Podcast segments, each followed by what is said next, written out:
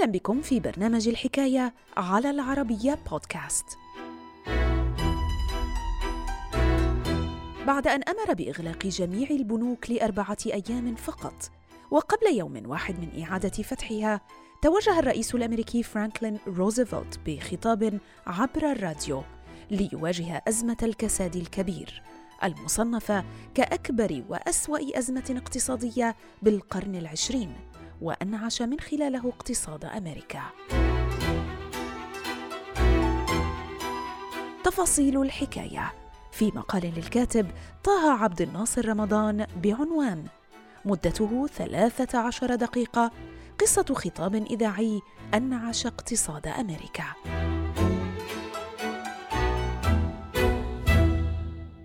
الحكاية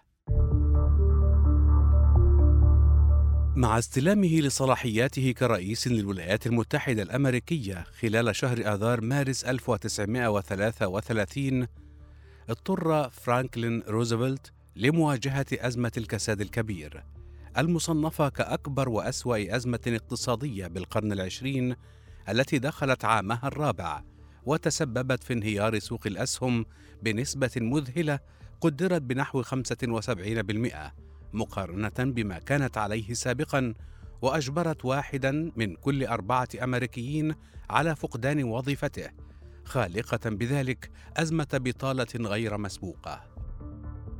وخلال الأسابيع القليلة التي سبقت استلام روزفلت لمنصبه اتخذت الأزمة الاقتصادية منحا خطيرا حيث أشهرت آلاف البنوك إفلاسها وتسببت في فقدان كثيرين لمدخراتهم. وخوفا من تواصل انهيار بقية البنوك لجأ عدد هائل من الأمريكيين لسحب أموالهم مفضلين إخفاءها بمنازلهم مؤكدين بذلك عدم ثقتهم بالقطاع البنكي. وبعد يومين من استلام مهامه أعلن روزفلت عما سمي بعطلة البنوك فأمر بإغلاق جميع البنوك بالبلاد بشكل مؤقت ودعا الكونغرس لعقد جلسة استثنائية. تم على إثرها يوم التاسع من آذار مارس 1933 تمرير قانون حالة طوارئ المصارف والخدمات البنكية الذي منح الحكومة الفيدرالية الصلاحيات الكافية للتحقيق في الحالة المالية لكل البنوك. ويوم الثالث عشر من آذار مارس سمح فقط للبنوك التي وصفت حالتها بالمستقرة بإعادة فتح أبوابها وتقديم الخدمات للمواطنين.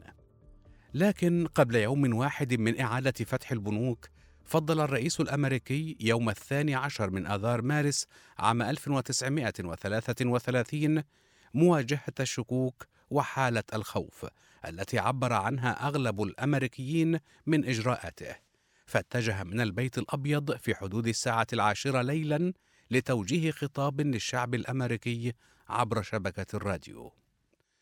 على مدار ثلاث عشرة دقيقة استمع حوالي 60 مليون أمريكي لخطاب استهله روزفلت بكلمات أصدقائي. أريد أن أتكلم لبضع دقائق مع الشعب الأمريكي حول النظام البنكي. وأثناء هذا الخطاب التاريخي فسر الرئيس الأمريكي النظام البنكي وأسباب ظهور الأزمة ودافع عن الإجراءات التي اتخذها خلال الأيام الفارطة. وأثنى عليها مؤكدا على أهميتها للقطاع البنكي ومعلنا عن إعادة فتح البنوك المستقرة خلال اليوم التالي. أيضا دعا فرانكلين روزفلت الأمريكيين لضرورة إعادة أموالهم للبنوك مرة ثانية والتخلي عن سياسة إخفائها بمنازلهم مطمئنا إياهم بإمكانية تجاوز الأزمة خلال فترة وجيزة ومؤكدا على ضرورة التحلي بالشجاعة وتجنب الانسياق وراء شائعات على حسب مصادر تلك الفترة انتقى روزفلت كلمات خطابه بشكل دقيق بمساعدة العديد من مستشاريه واعتمد عند إلقائه على شبكة الراديو على أسلوب عفوي ساهم في استقطاب وطمأنة المستمعين. إلى ذلك استقبل خطاب روزفلت بالترحيب من قبل الأمريكيين الذين اصطفوا يوم الثالث عشر من آذار مارس عام 1933 لإعادة أموالهم مرة ثانية للبنوك التي فتحت أبوابها.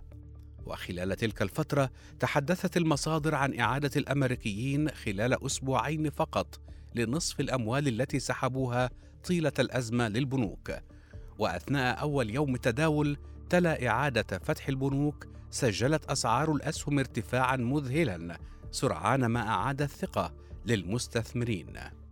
وبفضل هذه الإجراءات التي اتخذها لإنقاذ القطاع البنكي وإنعاش الاقتصاد تلقى فرانكلين روزفلت الذي خاطب الشعب الأمريكي أربعين مرة عبر الراديو طيلة فترته الرئاسية خلال الفترة التالية مئات الآلاف من رسائل الشكر والدعم. التي تهافتت بشكل مستمر على البيت الأبيض.